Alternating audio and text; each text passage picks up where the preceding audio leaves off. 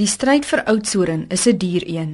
Behalwe vir 20 miljoen rand in hofsaake, het dit ook die vorige ANC, NPP en ICOSA koalisie uitmekaar laat spat. Met die NPP wat nou by die DA Cope Alliansie aangesluit het, is dit nou hul kans om die dorp verder te vat.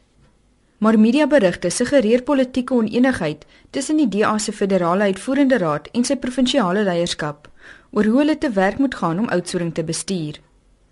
Daar is nou besluit om die dorp onder administrasie te plaas, wat die ondersteuningspakket vanaf die nasionale minister van samewerkende regering, Pravin Gordhan, sal insluit. Dit het ten doel om dienslewering te verbeter en korrupsie en finansiële wanbestuur uit te roei. Laasweek het die nuwe burgemeester, Wessie van der Westhuizen, 'n brief onderteken wat sê die dorp hoef nie onder administrasie geplaas te word nie, maar het dit vinnig onttrek. Die DEA Federale Uitvoerende Raad se voorsitter, James Self, sê daar is geen verdeeldheid nie federal executive asked the Western Cape provincial executive for clarification on what appeared to be a variation of what we had agreed. And as a result of that, uh, we got clarifications. And as you know, yesterday the municipality passed the requisite resolution requesting that it be placed under administration. Die DEA se provinsiale adjunkleier, Bongie Kosi Madikizela, sê daar was sterk standpunte van beide kante oor hoe dinge gedoen moet word in Oudtshoorn.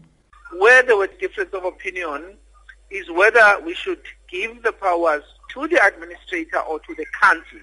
And I think that's a very I mean uh, debate to have. Uh, because when you talk about administration, there are situations where even though you put the municipality under administration, you you you discuss whether the party should be with the administrator or the party should be with the council.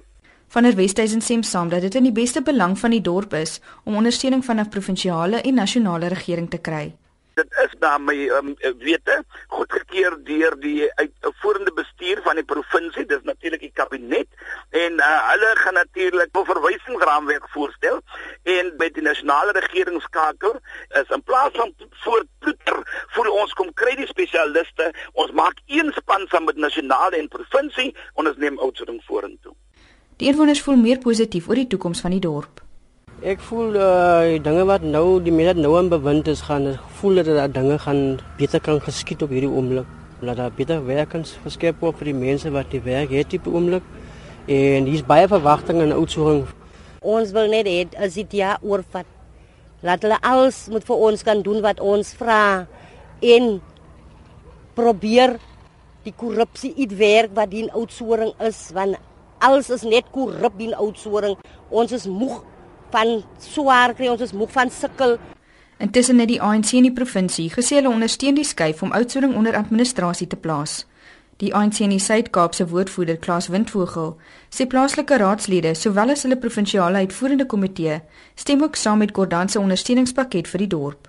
Ek is Tanya Krause op Oudtshoorn.